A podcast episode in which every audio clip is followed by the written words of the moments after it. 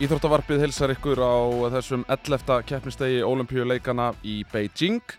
Sjálfur heiti ég Gunnar Birgisson og Íþróttavarpið er runnið úr hlaði þennan já, þriðu daginn og mikið um að vera á mótinu í dag og já, næstu daga sem hann er síðan algjörum hápunkti næstu helgi þegar að margar af stærstu greinunum fara fram. En með mér til þess að fara yfir daginn í dag og svona kannski aðalega eitt mál er Valarún Magnúsdóttir sem að lýsir skautónum hjá okkur og sömulegis Einar Örn Jónsson sem að lýsir bara öllu. Já, mest megnis. Já. Mikill sleðagreina maður þessa leikana. Já, af hverju að það? Ég bara hreinlega veit það ekki. Nei. Er þetta bara tilvílin einn? Þegar ég sé að þjóðverðar er að taka mikið á gullælunum og svona. Já, það tengist held ég því að ég sé að lýsa því. Já, já, já, já, það gerir það. Já, það gerir ég, ég minna, ég, þú veist, þú getur séð tengst og alls konar, ég sé bara orsaka samvikið þarna milli. Mm. Vala, hvað ertu búin að, er þetta, þetta er ekki fyrstu olimpíuleikandir þín eða hvað? Nei, ég lísti líka 2018. Mm -hmm. Og, og hefur gert það með, með glæsibra. Hvernig, hérna, hvernig finnst þið bara svona mótið í heilsinni ef, ef við tökum, hérna, Ef við tökum aðeins meira heldur en bara skautana með þér, hvernig finnst þú svona mótið í heilsinni hafa verið? Bara útrúlega skemmtilegt. Ég hef haft mjög takmarkaðan tíma samt til að fylgjast með fyrir utan lýsingar og vinnu mm -hmm. en, en bara mér finnst þetta alltaf smá eins og jólinn það eru svona stóra hátir og fylgist stíft með sumarólpíleikunum í sumar og geggja að hafa svona stíft á milli og fara bara beint í næstu visli. Þetta er náttúrulega þegar þú sest niður og fer að lýsa þá er þetta, þetta þrý-fjóru tímar. Já, þetta er, þetta er mjög langt sko og uh, þegar þetta er ekki live þá er bara valla tími til að hlaupa á klósett eða að fá sér vatn þetta er Einmitt. alveg þvílík sita sem að er Hvað er að lengsta sem þú hefur líst einar? Í beit? Já. Ætli það sé ekki svona, já núna kannski er um mér þrýr tímar Já. þegar maður hefur verið að taka þá tvo viðburði í beit, sko annar í beitni og svo kemur hinn bara strax á eftir Já. aðeins á, á ská Mm -hmm. þannig að það er svona lengsta sem ég hef tekið teki núna en ég, ég hafði tíma til að fara að klóða á milli Það, Svo- já, það skiptir svolítið miklu máli. Já, núna áðan skildaðangar í kvennaflokki það eru fjórir að hálfu tími, takk fyrir Það er með tveimur rosa- pásum samt sko Já, já, en það er eh, það rosalega. er rétt svo meðan að, bílinn fyrir yfir ísinn og svo bara Já. byrja maður aftur Það er nokkuð mikið. Hvernig hafa þessi leikar farið í þig, Einar? mjög vel, mjög vel mjög, marga greinar hafa verið mjög spennandi og, og það er kannski það sem maður lítur oft eftir því maður kannski þekkir ekkert fyrirfram alla keppendur og hefur enga svona beina tengingu endilega við, við nákvæmlega greinarnar eða, eða þá sem er að keppa þar þannig að maður lítur svolítið eftir að þetta sé spenna og, og marga greinarnar eru líka rosalega skemmtilega settar upp til að hámarka spennuna. Að í lokin á síðustu fjórum-fimm mínútonum ráðist úslitin að það sé ekki bara búið eftir, eftir korter og, og svo þurfum við að halda áfram í, í næstu fjóratímana þannig að ég er mjög hrifin af, af uppsetningunni á flestum sem greinum og margar hafa náttúrulega aðlaga sig að þessu líka í gegnum tíðina að einmitt að setja greinna þannig upp að verði, verði spenni í lokin saknaði svolítið að sé engin svona kannski ábyrrandi ábyrrandi stjarnar þessar leika. Valjefa náttúrulega er svolítið í sviðsljósinu en, en, en það er ekki bara af því hún er góðið sinni grein og, og 15 ára heldur út af þessu lifjamáli líka öllu. Mhm. En það er svona kannski í, í þú veist, alpagreinunum hefur ekki verið neinn svona ábyrrandi sifrin átti að vera það en, en hefur ekki orðið það. Í bæði í, í, í skíðaskotfimi og, og skíðagöngu hafa veljunum verið að dreifa svolítið þannig að kannski vantar svona svolítið eitthvað svona pin-up póster e, íþrótta afreiks meistara þessa, þessar leika. Einnig mjög samála þessu og að það hefur í verið skortur á því að það sé einhver sem er með algjörlega ótvírað yfirbyrð. Það verið svona kannski hægt að nefna þá Nils van der Pól frá Svíþjóð sem að vann 5.000-10.000 metrana með svona nokkrum yfirbyrðum og setti, setti hérna, nýtt heimsmet í, í 10.000 metrunum. Uh, en þetta er, þetta er góða punktur sem þú kemur inn á að það er svona kannski þær stjörnur sem að maður bjóst við að yrðu í uh, já allavega baráttinu um gullvelun uh, Mikaela Siffrin alveg klárlega ég meina að það voru margir norðmenn sem að koma inn með háa væntingar til, til dæmis Jónas Svarstótt Klæbó uh, Alexander, Alexander Amott Kilde kærasti Mikaelu Siffrin var sömulegis líklegur til afreika uh, og svona mætti lengi áfram tæli og ég meina Sean White er á sínum síðustu leikum í snjóbrettunum kannski ekki, hægt að gera kröfu á það að hann vinni það, það sem að svona kannski það eru aðrir sem eru komni nærunum í greininni heldur en, heldur en áður.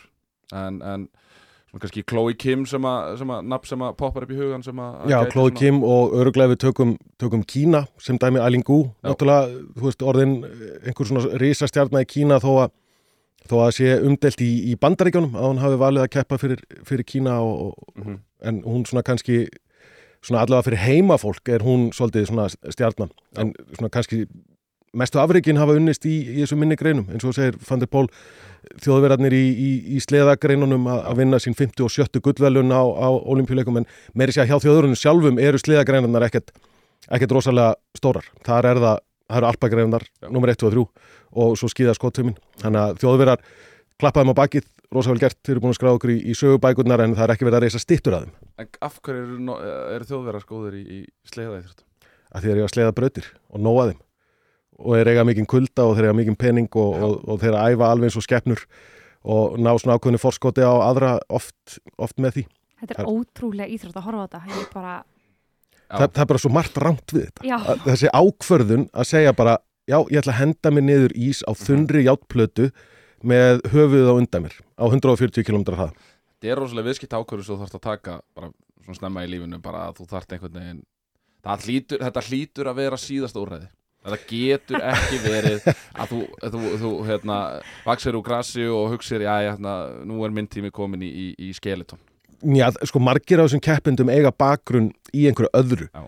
Eru fimmleika fólk eða, eða frjálsýþrótta fólk, Spretthlauparar. mörg í þessu sprettlauparar. Það er meira í, í bobsleðunum eru, eru sprettlauparnir oft meira ábyrrandi. En svo eru þau svona faraðu yfir í þessa greinar svona þegar þau sjá kannski fram á að, að ná ekki sínum draumum í, í þeirri íþróttsöðum byrjuði. Og þá prófaðu þessar sleðagreinar en það er náttúrulega undantekningar löst líka að þú býrð einhverstæri nágrinni við sleðabrödd. Það er enginn í Berlín sem ákveður allt í hennu bara nú ætlum ég að prófa skeleton. Af því að það er allt einhverstæri upp í Ölbánum lengst fyrir sunnan. Sko. Og svo er þessu lettana, lettar eiga, sko, er, þetta er bara þeirra þjóðar íþrótt, eru, eru lús og, og skeleton. Af því að það voru reistar brautir í, í Lettlandi og þar eru krakkar að byrja 6-7 ára. Mm -hmm. Þannig að þeir eiga núna 17 ára afreiksfólk sem að var nálætti að lenda á palli í, í lús. uh, Ef við færum okkur aðeins yfir í þína grein var það áður en að við fyrir kannski yfir stóra málið ástöðuna fyrir því að ég kallaði ykkur hér saman í dag uh, Er eitthvað sem hefur staðið upp úr á svellinu? já, fullt. Uh, Nathan Chen í kallaflokki stóði sig fárunlega vel og síndi enn og aftur hvað hann er bara magnaður íþjóttamæður uh, og uh, það Júsúru Hanjú sem leiðis reyndi aðna við fjórfaldan Axel uh, mjög góða tilurinn og, og gaf það svo bara út að hann var ekkert endilega hættur og væri bara alveg til að halda áfram eftir hans þriðju leika sem er magnað og uh, sömleiðis í Ístansunum uh, búið að vera ótrúlega gaman að fylgjast með þar og skemmtilegt að sjá þessa grein ég sem er svona helst í einstaklings, maður sér ekkert mikið af Íslands og þetta er rauninni mjög ólíkt því sem að, að ég þekki. Þetta er smá eins og önnur grein, þótt þetta tilherra ennþá á listkautunum en þá er þetta neginn allt, allt annað sko. Og uh, liðakeppnin var semlega mjög spennandi uh, en uh, bara eins og við rættum í Olmpíukvöldi þá er þessi liðakeppnir svona fólk er misánægt með þær og um, tekur svolítið mikið pláss og, og er ótrúlega erfitt fyrir keppinina vorum að sjá eins og þá í kallaflokki voru að keppa fjórum sinnum á viku. Já. sem er galið. Já, svolítið mikið. Já, þvílíkt álag sko. Uh, er einhver svona grein sem að þú er náttúrulega, þú, náttúrulega eins, og, eins og þú komst á áðan að þá ertu náttúrulega þetta er ekki þín eina vinna að lýsa þannig að, en er eitthvað sem að þú hefur tekið eftir að hefur svona einhvern veginn hefur einhvern veginn á að fanga hug þinn einhver íþrótt? Sko, mér finnst geggja horfa á skíðagönguna. Mm. þú ert líklega mjög sáttur með þetta þetta var svar. þetta var rétt svar Þú varst tilbúin að fara að slökka á hljóðuna og nefnum við sett eitthvað annað. Til þess að ég megi halda áfram ekki þætti, þá er það skíðagangan. Nei, mér finnst það úslega skemmtilegt að horfa það og skauta þetta, það er að koma mjög stert inn líka. Og ég held að það sé þessi spenna þú veist, Já. það er alveg spenna þegar ég er að lýsa en ég er ekki öskrandi og missa ekki röddina yfir því sem ég er að gerast. Þannig að mér finnst þetta svona að heldur mann á tánum og lætur mann svolítið fylgjast með. Einmitt. Ég verði að vera sammála með, með skautæti. Mér finnst það alveg geggjað dæmi. Þetta er svo lítill ringur og það er alltaf eitthvað að- gerast. Og svo sér maður alltaf reglulega að sá það svo sem er í fymta sæti endar fyrst að því að all hinn lenda í, í árekstri. og það, já, það er einmitt svona fegurinn við þetta og eins og við komum kannski aðeins inn á eftir með, með skíða skotsuminn að það er svona þessi óræðni hluti þar að segja að þú getur, það er, það er raun og veru aldrei hægt að segja með vissu þó að einhver komi inn sem sigur stránglegust eða sigur stránglegastur að þá getur aldrei sagt fyrir vissu að hann sé að fara að vinna því að hann geti bara leggst á í fyrstu beigju eða eitthvað Já, og þú sér þetta eiginlega ekki í sumargreinunum sem eru á, á sumarónumbíleikunum. Þó einhver sé komin með sko, heilan ring í forskot í 10.000 metra hlaupi. Mhm. Jafnvel þó hann gerir mistök og detti, þá er hann samt að standa upp, skipta um skó, halda áfram og vinna samt. En það eru svo margar greinar á, á veturónumpíuleikunum, það kemur líka hættufaktorin inn í. Þetta er náttúrulega lífshættulega greinar, eiginlega allar. Að það er svo margt sem getur komið upp á sem að bara gerir þig, eða dæmir þig þó þú sért fremstur eða fremst, dæmir þig algjörlega úr leik. Mhm. Eins og í skautaðinu, skautahlaupið, þess vegna líka Mhm. báðgangan eins og við sáum í, í morgun og svo framvegis og svo framvegis sko. og svo er hérna frístæl í skíðunum líka mjög gaman að horfa á þessu þetta er eiginlega fimmleikar bara Þetta Í er, raun og veru sko, í raun og veru, þá er þetta í raun og veru bara svona eins og stökka festi eða eitthvað svo leiðis sko, eða þú veist trampolín eða eitthvað svo leiðis. Mhm. Já, nema þú ert með dót á fótunum sem lætur þið renna miklu hraðin og getur hlaupið og Já. þú lendir í brattri brekku punktur. uh, eitt áður en að við förum í, í valjöfumáli, þetta er svona uppbygging inn í það. Uh, fáum við að sjá íslenskan keppanda í listans, listlepas, í listans og skautum uh, einhver tíman? Já, ég er full trú á því. Já. Við höfum bara séð að núna Aldískara Bergsdóttir til dæmis kem, kemst inn fyrst allra eina örfmótið og kefti á Nebelhorn trófi sem er svona síðasta mótið og síðasta tækifæri fyrir skautar til að ná miða á olimpíuleikunum og er alveg komin í sama flokk og margar sem að eru að keppa hér á leikunum þannig að ég efast ekki um það ef að allt gengur eftir. Og við erum með mjög marga í úlingaflokki líka. Júlíu Rós Viðarsdóttir sem er líka henni hérna á Akureyri hún er mjög efnileg líka þannig að ég, ég verður maður ekki að trúa því Mm Algjörlega. Uh, sko, þetta er máli sem umræðir er, er hinn 15 ára gamla rúsneska Kamilja Valjeva. Uh, það kemur í ljós, hvað var það á fimmtudaginn í síðustu viku eða eitthvað svo leiðis, að þá uh, var strax byrjað að kveisast út að af hverju til dæmis uh, úrslitin og, og veluna afhendingin fyrir liðakeppni í liðsleipi á skautum hafi ekki verið, eh, farið fram væri vegna þess að það væri komin upp einhvers konar livja misnótkunar mál uh, það er síðan staðfest, eins og ég segi þarna á fimmtudeginum að, að hún hafi í raun fallið á livjaprófi uh, efnið sem að umræðir er trimetasidín sem að er í raun og veru kannski ekki, veist, það er ekki framistöðu bætandi í þessari íþróttagrein, þannig séð.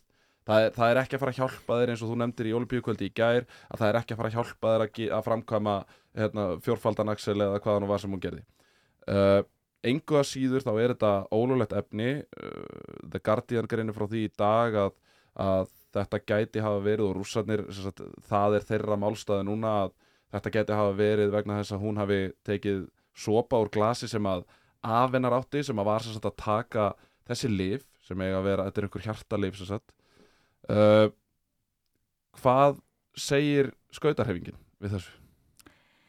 Já, einmitt, uh, þetta er bara mjög stórt mál og, og ég er búin að hella mér yfir ímislegt uh, en það eru flesti bara mjög ósáttir við hvernig var bröðist við. Uh, þetta er mjög erfitt mál og það búið að vera lengi umræðinni hvort að það er að hækka aldurstakmarkið inn í fullunarflokkin og uh, það er að heyrast mjög stert núna um, en uh, svo er, var líka verið að ræða að það hefði mögulega verið eitthvað annað lif sem hafi fundist líka sem var líka á, á lista yfir ólega lif og það sem held ég fólk sé ósáttast við er að þetta hefur engin áhrif og það eru mjög bara litla sem yngar afleðingar og, en á sama tíma er hún 15 ára. Hún er bara bann Mm -hmm. í skilningi lagana uh, þannig að já, þetta er bara og það er líka verið að skoða önnur mál uh, eins og til dæmis hlauparinn á sumarolimpíuleikunum uh, núna sem að var með cannabis, Mm -hmm. þess Já, með cannabis Shakari Richardson. Já, um, og það er svona, já, bara verið að skoða hvort þessar reglur fari jamt yfir alla.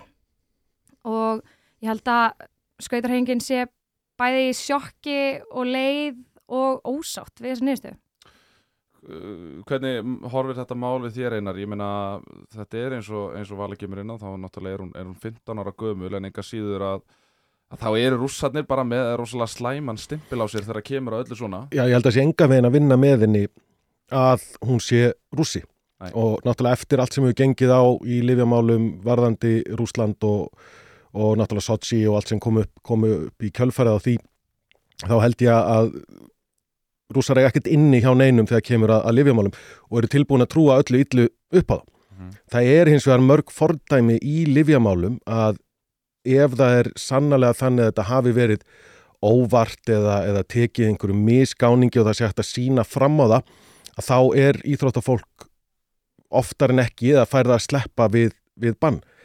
Þannig ef þetta er sannlega þannig og hún tók sopa á einhverju glasi frá afa sínum sem er að taka þetta lif, hvernig ætlar að, hvernig ætlar að sína fram á það, náttúrulega, það er, það er ein, ein spurning, þá er ekkert óeðilegt við að henni sé sleppt við bann. Hins vegar, af því að þetta eru rúsar og þetta gerir svona nálagt leikonum að þá vakna þúsund spurningar og kveikna rauðar viðverunabjöllur út um allt. Svo kemur aftur eins og valvartalum, hún er bann. Er hún að fara að setja sér inn í hvað, hvaða lif ætti að taka núna til að hjálpa hjartan á mér þegar við erum komin inn í, inn í keppni? Ég held að sé engar líkur á því. Ef þetta var viljandi, þá held ég að það sé alveg ljóst að hún er leiksoppur einhverja annara í, í þessu máli. Og það er í rauninni það sem að, að alltaf íþróttdómstólinn segir. Þeir taka enga afstöðu til þess Nei.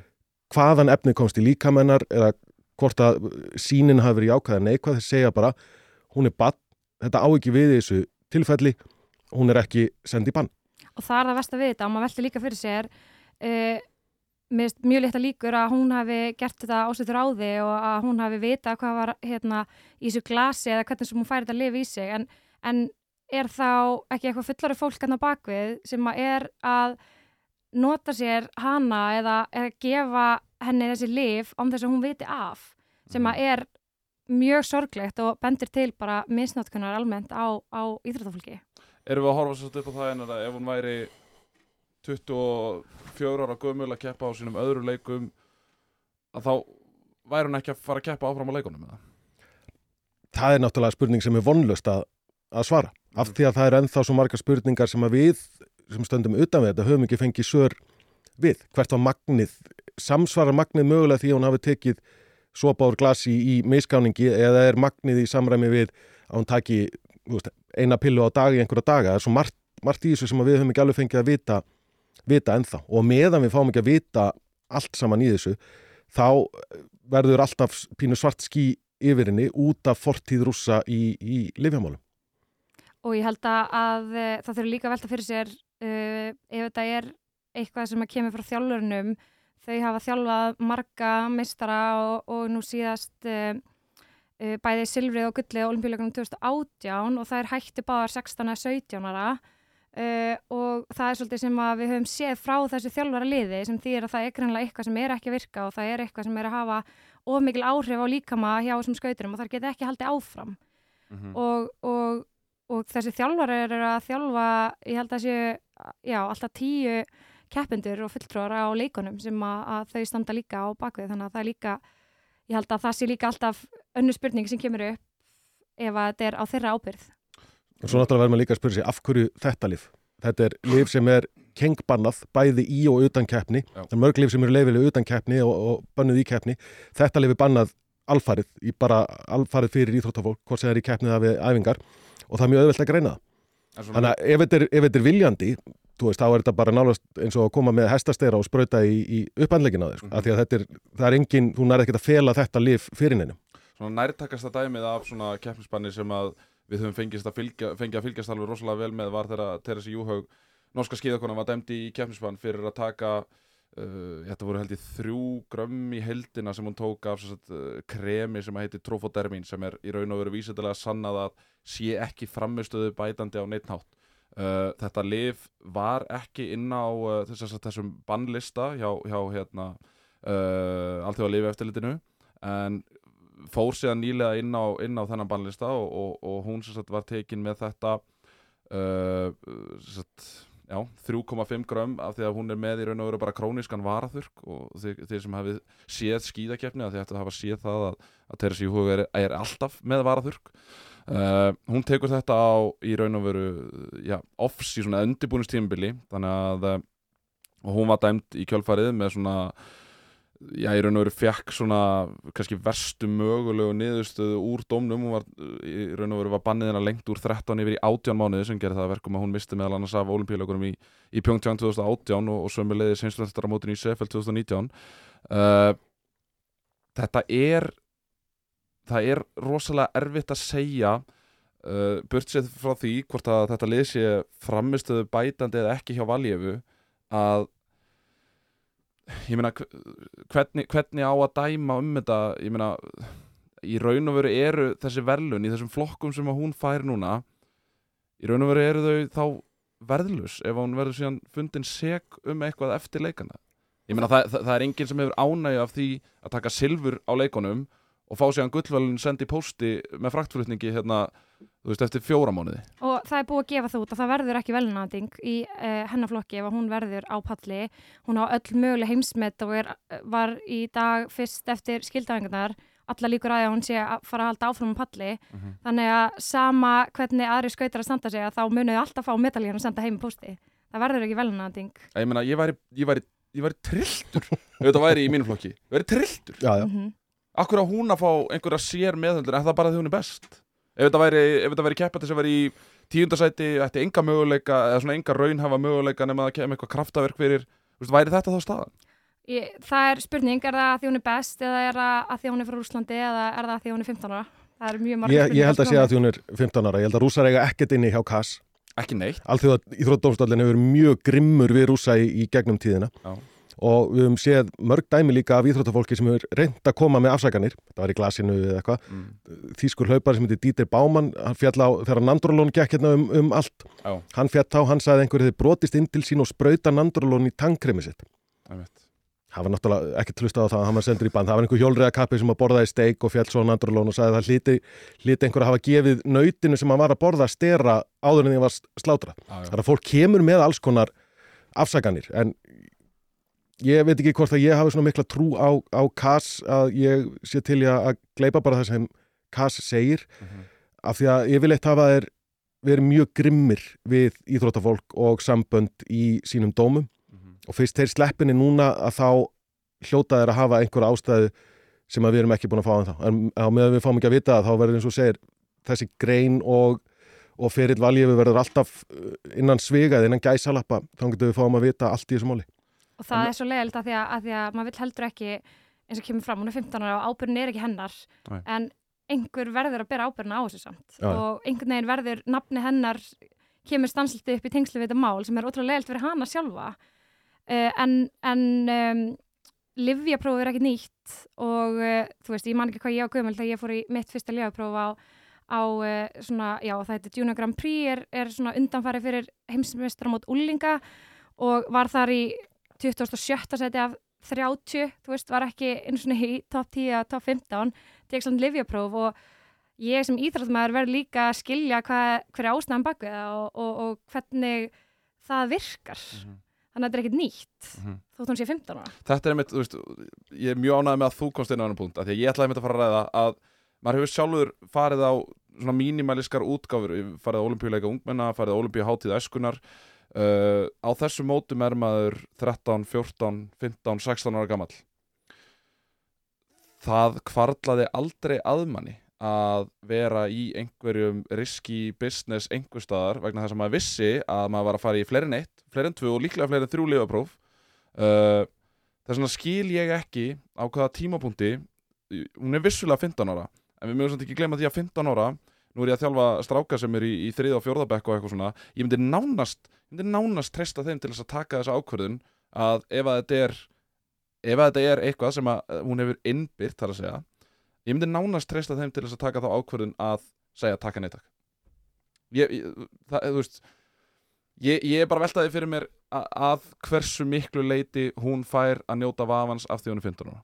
En ég líka efast um að hún hafi hreinlega, verið meðvitið um að þetta lif væri að fara Já, ég, svo er það náttúrulega stóri punkturinn í þessu sko. Þú veist, hvort að, hvort hún hafi tekið hérna, svo svo glasi eða hvort það var Mhm. einhver leið önnur sem hún byr- innbyrði þetta lif að ég held hún hafi ég vil allan að trúa því og treysta að hún hafi á einhverjum tímapunkti verið meðvitið um að hún hafi verið að taka eitthvað ólulegt Er og, náttúrulega það, og það er stór punktur Já. í svona ákvörðunum sko. Mhm, vissiru hvað það varst að gera hefði þér mátt verið að ljóst hvað það varst að, gera Mhm. eða vildi svo til að þú tókst fæðubótarefni sem var framleitt í sömu vesmiðu og eitthvað ólulegt lif og það eru leifar í fæðubótarefni það var endalust verið að hamra þetta inn í, í okkur þegar ég var aktífur ekki taka neyn fæðubótarefni á þess að læknirinn kvitt upp á að þetta sé frá eh, hreinum aðila nákvæmlega. að þú veist ekkert hvað rúlaði á færibandinu áður en að skamturinn sem að þú ert að fá þér kemur. Þú nefndir á hann eins og með þetta sem á rætisunar reykja í raun og veru til Sochi 2014 Jú, vissulega eru keppindunni náttúrulega dæmdir í, í keppnisbann og þeir sviftir sínum velunum uh, fá samt sem aður að upplifa í raun og veru ljóman og, og fögnuðin í kringu það að vinna ja, gullvelunum til dæmis á olimpíuleikum það verður ekki tekið að þeim uh, þeir fengu að upplifa það þó að það hefur verið gert með ólöflegum hætti uh, Í raun er efsingin þá svo að við íþróttafréttamenn þurfum að kalla þá uh, keppindur rúsnesk olimpíulendarinnar er, Í rauninni já. er þetta einhver efsing? Nei og þetta náttúrulega, hvernig hefur verið haldið á þessu rússa banni innan gæsalappa er náttúrulega bara algjör farsi. Að jú, rússar fá að keppa á öllum þeim mótum sem þeir vilja keppa á en stundum bara undir fána Rúslands og stundum undir fána viðkomandi sérsambands Æmitt. Þannig að maður svona eða, eða olimpíusambands þegar þú ert á, á, á olimpíuleikum en þú veist, rússar keppa á öllum þeim mótum sem þeir komast inn á. Mhm. en það, þú veist, bara til þess að binda þessu umræðu samt sem aður saman að þá má samt ekki vann með það að Kamilja Valjeva er í raun og veru svona á mjög lélegri íslensku once in a generation talent í raun og veru að þú veist þetta er eitthvað sem við sjáum ekki oft Já, bara langbæsti heimi mm -hmm. Bara by far og hérna niðurstöðu núna úr skildafingum þá munur einhverjum tveim stegum á henni og þeirri sem er í öðru seti og ég held að það hef aldrei sést jafn lítill munur á henni og, og þeim sem er fyrir neðanana sem að verður að teljast mjög vel gert og, hún, eins og segi, hún hefur bara unni með yfirbörðum og þá má ekki taka það af henni Algjörlega, algjörlega. Uh, það voru fleiri greinar í, uh, á olimpíuleikunum í dag. Uh, við byrjuðum náttúrulega í nótt þar sem að Corinne Suter frá Sviss tók svona nokkuð óvænt uh, gull í bruni kvenna. Mikaela Sifrin var þar endaði átjónda, kannski óvæntasta nafni þar á velunapalli Nadia Delago frá Ítalíu sem hafði ekki komist á velunapall í heimsbyggar fyrir þetta mót. Nú Danir, þeir eru komin í undanúsliti ísokki Karla. Ót- Ótrúlegt. Ég meina, akkur eru Danir góður í íshockey? Mjög góð spurning. Danir eru bara góður íþróttum reyndar, þeir eru góð landslið eiginlega í, í öllu og Danir fjármagna sinnar íþróttir vel ef Mhm. við skjótum því inn í til íslenskra yfirvalda. Og hafa góða aðstöðu og ég meina hafa sint ísokkinu vel á undarförnum árum. En þeir eru, í, þeir eru á olimpíuleikum í fyrsta skipti með kallaliðið sitt. Einmitt. og þeir bara rúlla áfram og áfram að mæta rússum næst. Við erum sennilega endastöð þar en ég meina, okkur getur ekki haldið áfram?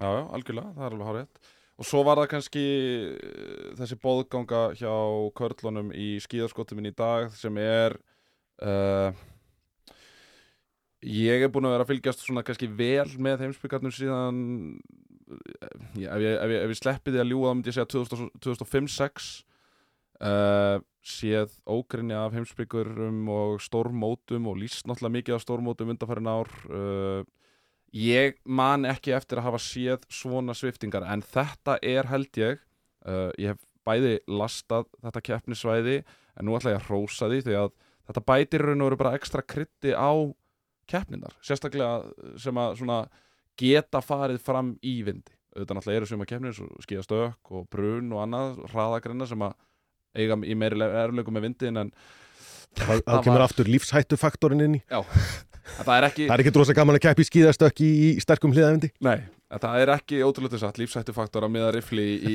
í allt og miklu vindi og uh, þetta atvikast þannig að, að norðmenn uh, voru taldir sígustránglegastir af veðböngum fyrir mót, uh, fyrir keppni. Uh, norðmenn byrja á því að fara refsering sem er oftar en ekki í svona bóðgöngum algjör döðdómur uh, það sem að gera síðan eftir það er að uh, rússarnir ná bara upp mjög góður í fórustu uh, eiginlega bara geggjæri fórustu voru um tíma mínútu undan næstu sveit og, og tæpum tveimur mínútum 1.58 minnum að það hafi verið við þegar Jónis Stingnes Böð tekur við eftir tvo spretti þegar hann tekur við að bróður svona Tarei Böð þá var þetta alveg búið og mér minnir held ég að ég hef sagt það í útsendingunni eitthvað svo leiðis uh, Jónis Stingnes Böð minga bilið um mínútu þannig að þetta var einhverja 50 sekundur þegar það er skipta og 50 sekundur þegar það er koma inn í síðustu skotserjun og við erum að tala um Uh, ég, ég veit ekki við hverju ég á að líka þetta. Þetta er í raun og veru veist, þetta er í raun og veru að vera 2-0 yfir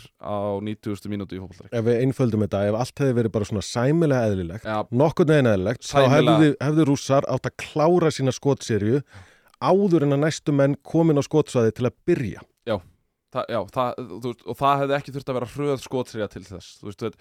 Skotseríunar er að taka veist, Latipoff er búin að vera mjög snöggur með riffilin á þessu móti og það er að taka svona kannski 30 sekundur. Hann er 50 sekundum undan þegar þeir koma inn á svæðið. Hann klikkar úr einu og maður er svona eitthvað já ok, það er kannski smá stress og klikkar um tveimur og maður er eitthvað já ok, þetta er að fara að gerast bara. Þriðja og svo fjórða. Og þá veit hann líklega að fyrir aftanan er þjálfarinn hans uh, allt annað en sáttur, við getum orðað þannig.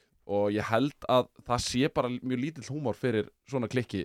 Þetta er ekki alveg sama Gimme Five stemmingin held ég og eru hjá normunum og svíjum og þjóðum Nei, það er ekkert, ég held að sé rosa lítið kemur, gengur betur næst faktor þarna.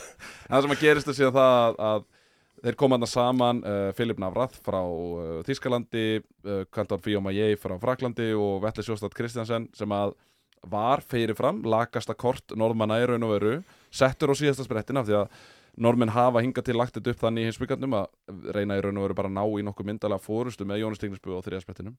Það hefnaðist ekki þannig að þetta var allt undir Vettli Sjóstad Kristjansen komið og hann á móti í raun og veru besta skíðaskotum mann í heimi í dag, Kanton Fiomaye uh, setur öll sín skot niður Fiomaye þarf að ná í eitt aukaskot og hlaða. Uh, þetta var eiginlega líginni líkast sko í öðru veldi. En þetta er eins og ég og Ingólfur Hannes rættum hér fyrir vikunni að uh, eða fyr, hérna, segi ég fyrir helgi að þetta er það sem að við höfum rætt svo mikið að þetta er svona þessi óræðni hluti af íþróttinni að þú veist í raun og veru aldrei hvernig þetta er að fara að enda fyrir en að gæinn kemur yfir marklínuna. Það er svona hvað maður að segja, þetta er eins og við rættum á þann að það er svona þetta sér maður ekki oft í öðrum íþróttum, þetta, en það eru rosalega margar íþróttir á svona. Og þetta er það sem er svo skemmtilegt við margar af þessum íþróttum vetrar íþróttum er akkurat þetta. Að hvað staðan getur breyst og ekki bara breyst, hún getur al algjörlega snúist á haus á einu augnabliki og þú sér þetta ekki þú veist, í, ef við tökum 400 metra báðhlöpi eða þú komið með 50 metra forskot þar fyrir, fyrir lokasprettin, þá er þetta bara búið nefn einhvers lítir hennilega bara krossband Já.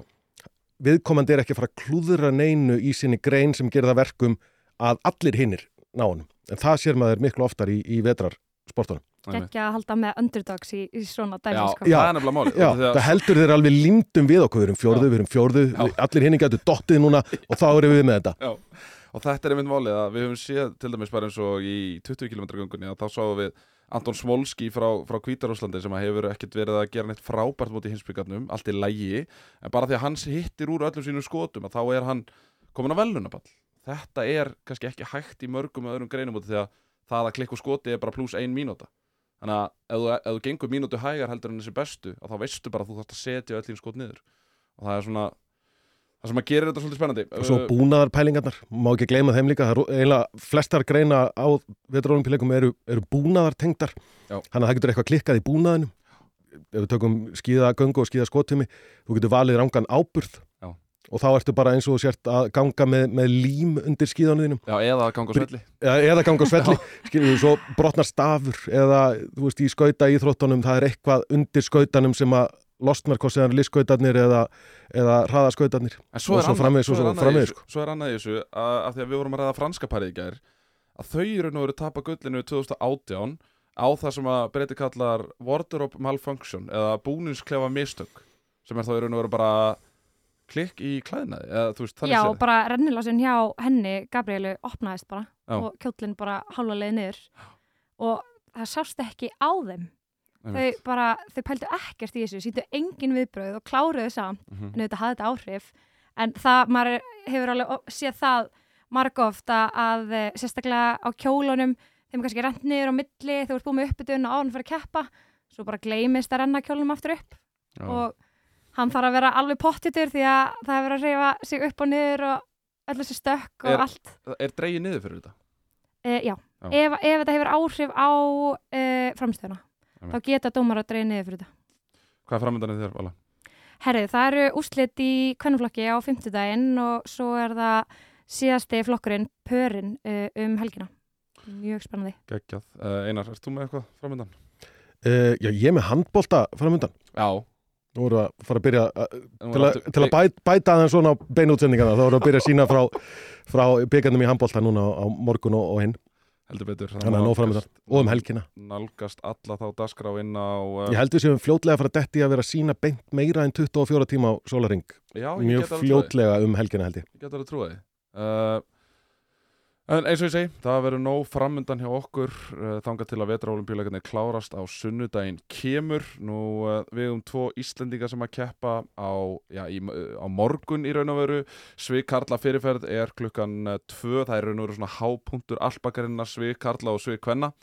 Uh, fyrirferðin hjá Sturlusnæ Snorasinni er klukkan 5 mínútur yfir 2 á aðrás rúf ótrúlega satt, þá er ekkert annað í gangi á rúf á þessum tíma þannig að við Merkilegt getum, já, við getum notað aðalásuna í þetta uh, setni ferðin er síðan uh, klukkan uh, 35 mínútur gengið í 6 uh, svona þegar líða fer undir morgun. Mm, nú við fáum síðan rúsneska olípjörnöndina gegn Danmörku Ísokki Karla þar á eftir. Svo er það að bóðganga kvenna í skíða skotfimi og svo er komið að Snorra Einarsinni og Ísak Stíhansson Pedersen í liðaspretti sem er skemmtilegt fyrirkomulag í skíðagöngu.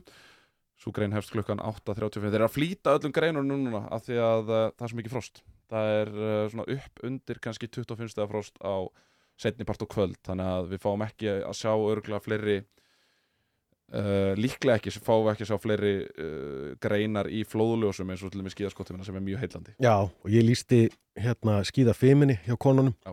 og það var 23 gráðu frost þegar þær byrjuðu og keppnin stóð, þetta var mjög seint úti í Kína og keppnin stóð yfir í tæpa tvo tíma Mhm. þannig þið getur rétt ímyndað ykkur frosti maður sá þjálfarna, þeir standa alltaf svona að fylgjast með vindhananum til að gefa merki og þeir voru undan tekningalöst með svona ískattfreðnar augabrúnir Já. og er hægt að bjóða upp á þetta. nei, í rauninni ekki Í rauninni ekki sko. Uh, þetta, er, þetta er alveg á ja, þetta er í raun og veru komið yfir grensuna því að uh, til dæmis bara ef við tökum alltaf að skýða saman til fyrst að, að það er talað um 15-25 gráður sem er svona algjört, algjört hámark og ef þú ert farin yfir 25 gráðuna þá er bara bannað að keppa.